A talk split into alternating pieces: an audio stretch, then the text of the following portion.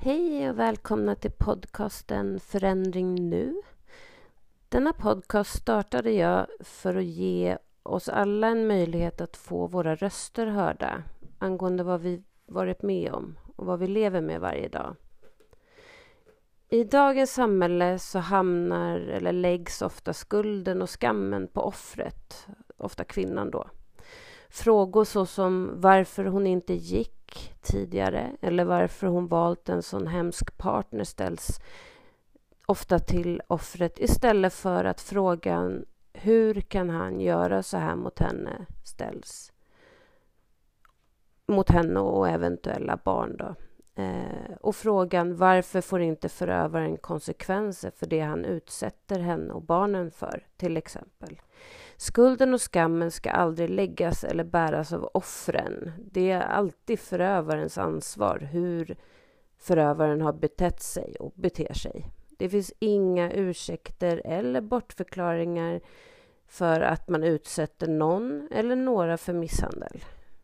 Och kärlek ska aldrig innehålla hot, kränkningar, fasthållningar, slag, sparkar, elakheter och skrämsel. Ingen ska någonsin utsätta andra för det.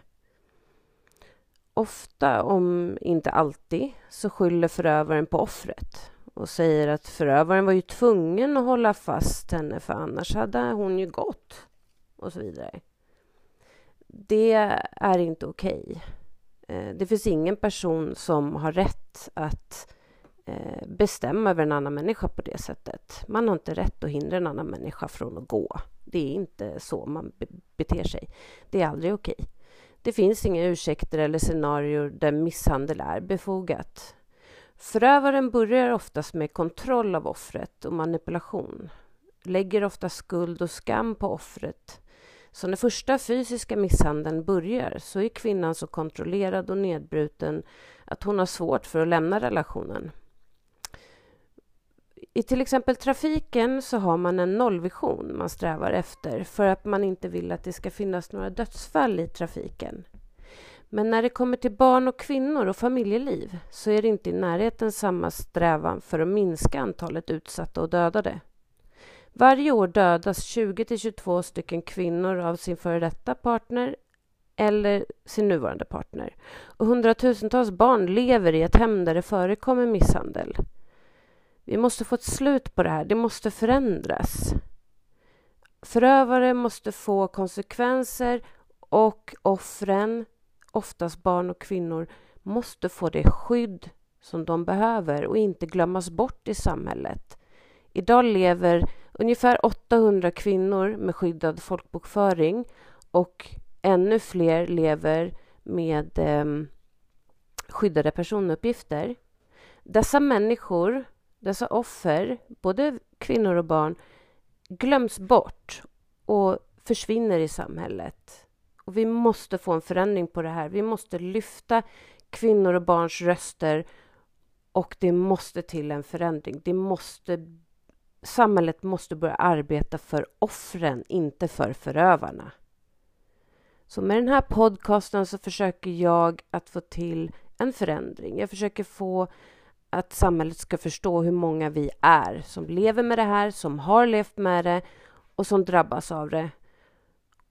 Så att det så småningom kanske kan bli till en förändring. Det är vad jag hoppas på. Men nu sätter vi igång med nästa avsnitt.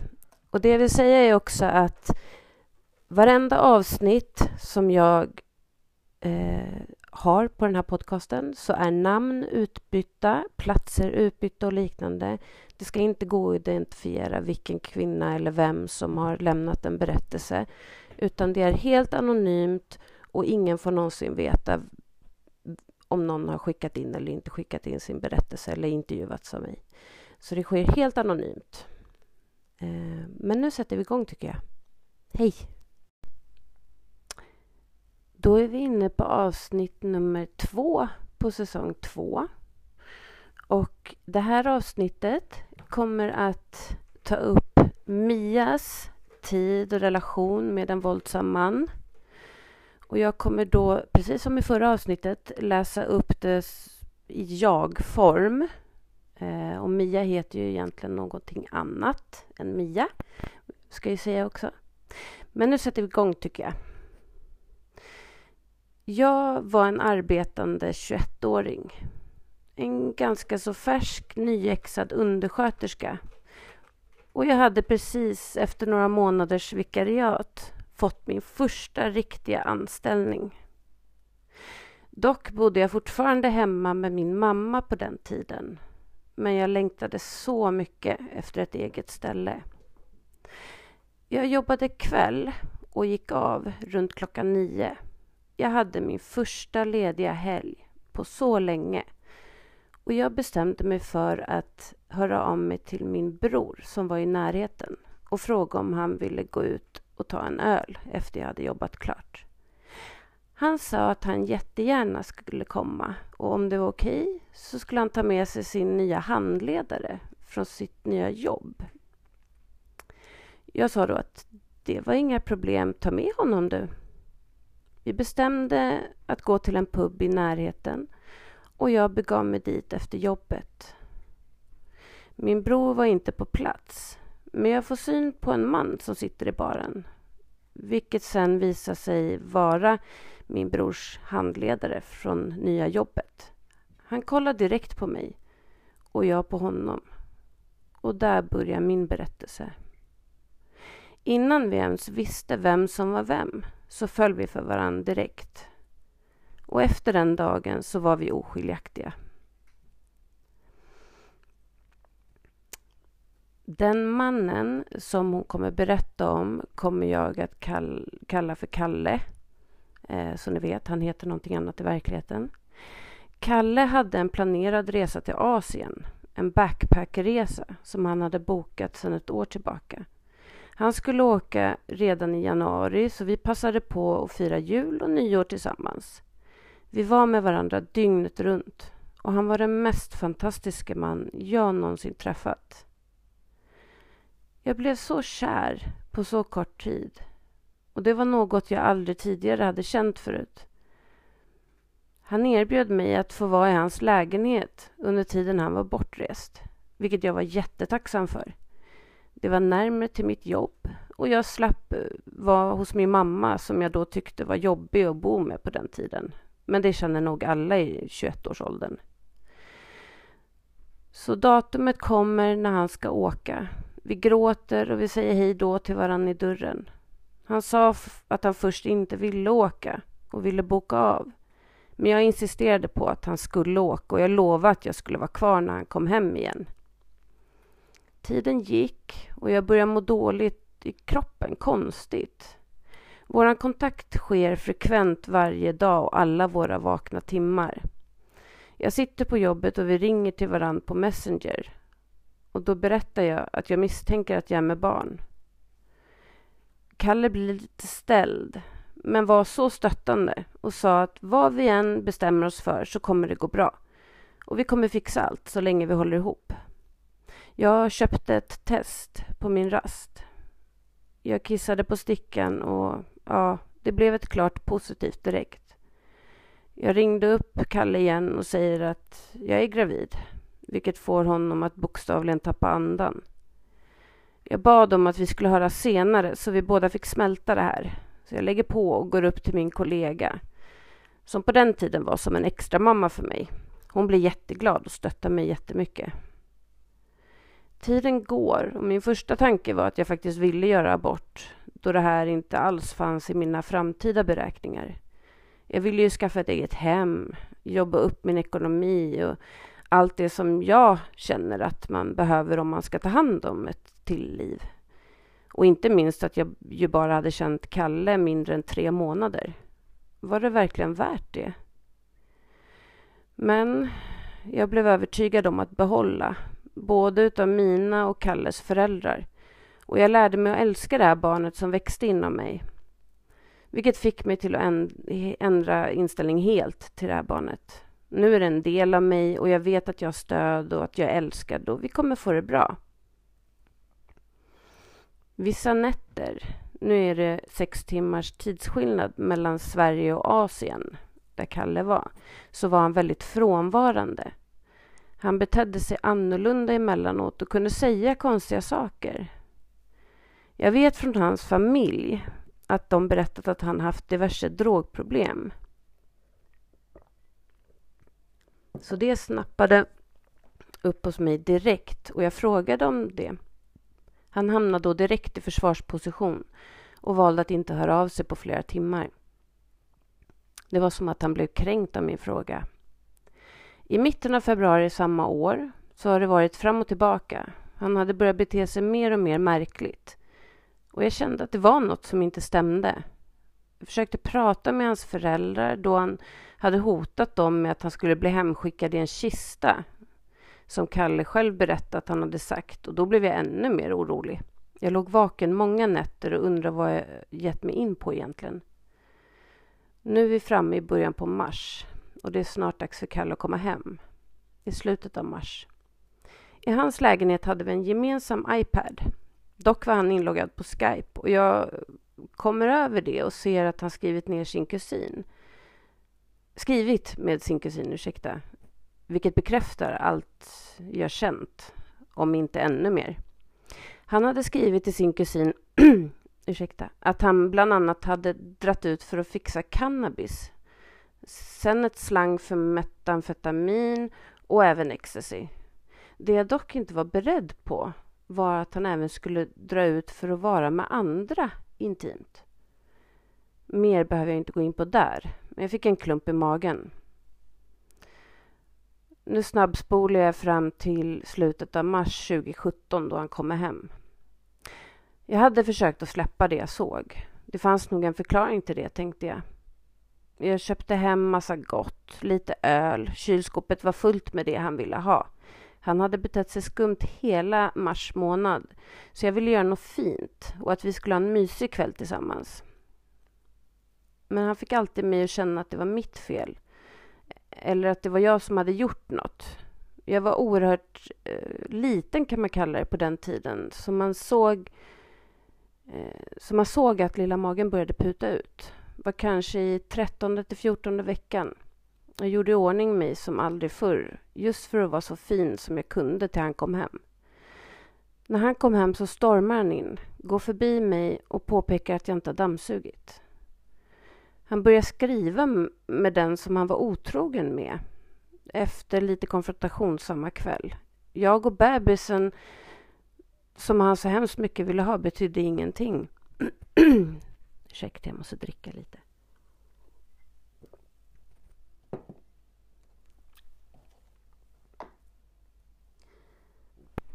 Här skulle ju jag sprungit och aldrig mer kommit tillbaka. För resten av allt som kommer hända var jag absolut inte beredd på. Tiden går och han behandlar mig som om jag vore sopor. Han tycker att jag var äcklig för att jag hade en bebis i magen. Jag var ful och fet. Och lagade jag mat och den inte föll honom i smaken så kastade han den på mig. Han spottade ut mat på mig. Jag handlade fel mat också.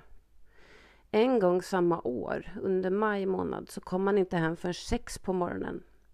Dagen innan hade han varit på så kallad middag med vänner.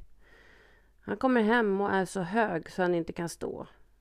Han lägger sig i rummet och klär av sig alla kläder samtidigt som han scrollar fram några eskortsidor. Jag skulle gå in och säga hej då, för jag skulle jobba klockan sju. Och ser att han gör det här. Jag går därifrån med gråten i halsen och mår skit. Och det skulle jag fortsätta att göra hela den månaden. Jag kunde inte fokusera på mitt jobb. Stressen var överväldigande. Han skickade sms som fick mig att inte vilja komma hem. Jag visste att det var något han skulle säga som fick mig att må dåligt. Så jag kommer hem från jobbet en dag efter flera hot på Messenger. Så som att jag inte fick prata med mina vänner eller att jag hade städat fel. Som att om du inte gör det här så åker du ut. Om du inte gör det där så bränner jag upp alla dina och bebisens kläder du köpt. Och så vidare. Jag hade jobbat kväll och han attackerade mig i dörren. Jag var i början på sjätte graviditetsmånaden då. Jag hann inte ens titta upp förrän jag hade hans händer runt min hals. Skrikandes i mitt ansikte. om något jag inte kommer ihåg vad som sades. Det enda jag tänkte på var att hålla om min mage. För flera gånger tidigare så har han hotat att sparka mig i magen så vår bebis skulle dö. Eller att kasta mig från balkongen så att vi dör.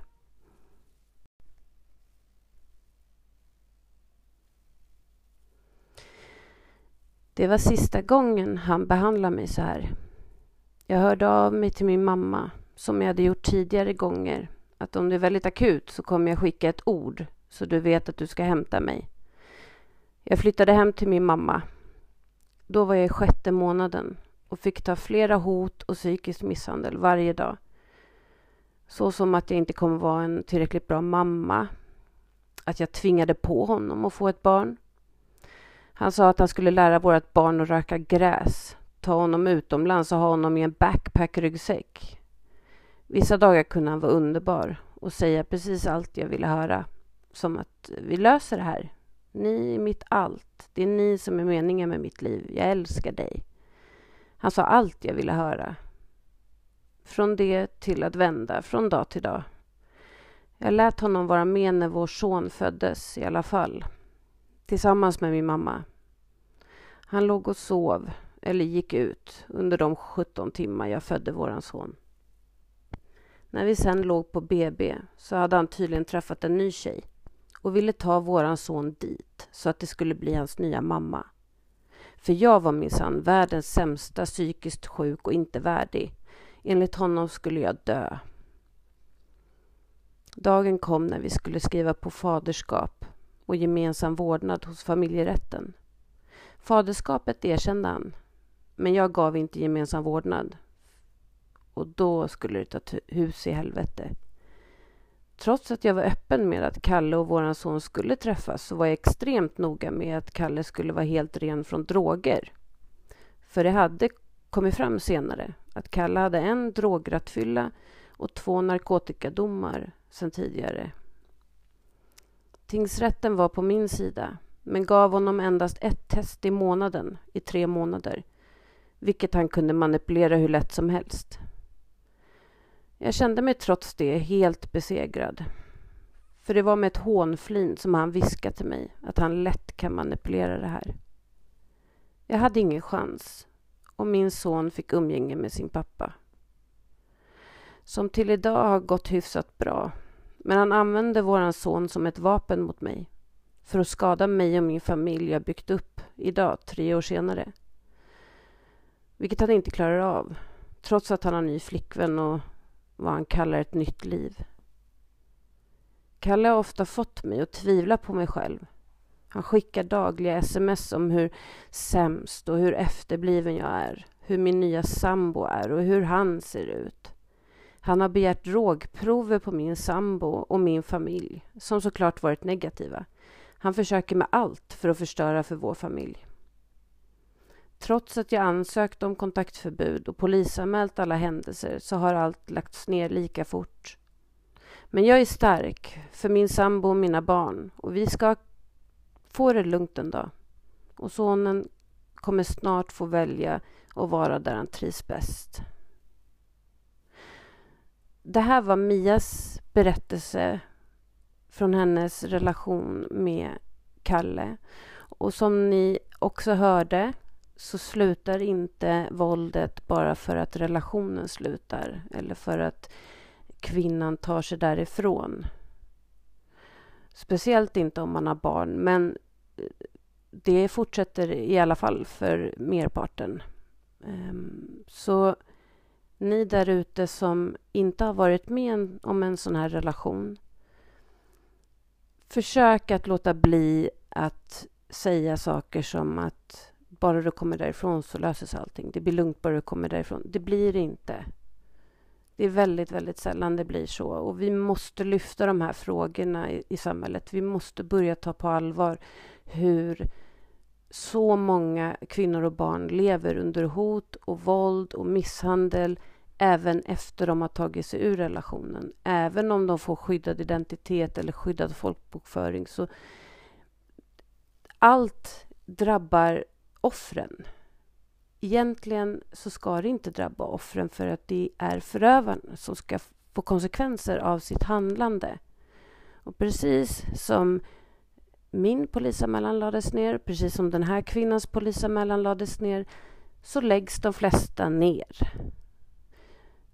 Om jag inte har helt fel så är det 25 procent av alla polisanmälningar gällande våld i nära relationer så är det bara 25 procent som går vidare till åtal och sen är det bara 5 procent av de 25 procenten som eh, blir till en fällande dom. Det här är, det är otroligt låga siffror. Och missförstå mig inte. Absolut så ska det vara så att inga som är oskyldiga ska dömas till någonting. Absolut inte. Men vi måste göra någonting, för just nu är det så att det är kvinnorna och barnen som får bära konsekvenserna. Det är kvinnorna och barnen som får fortsätta att lida och drabbas. Och det är inte okej. Okay. Vi måste göra någonting åt det här. Det var eh, veckans avsnitt. Nästa vecka så kommer ett nytt avsnitt. Och då kommer det handla om Stellas relation och hennes berättelse. Och det kommer ut den 27 september. Ha det så gott så länge och ta hand om er. Var försiktiga. Hej.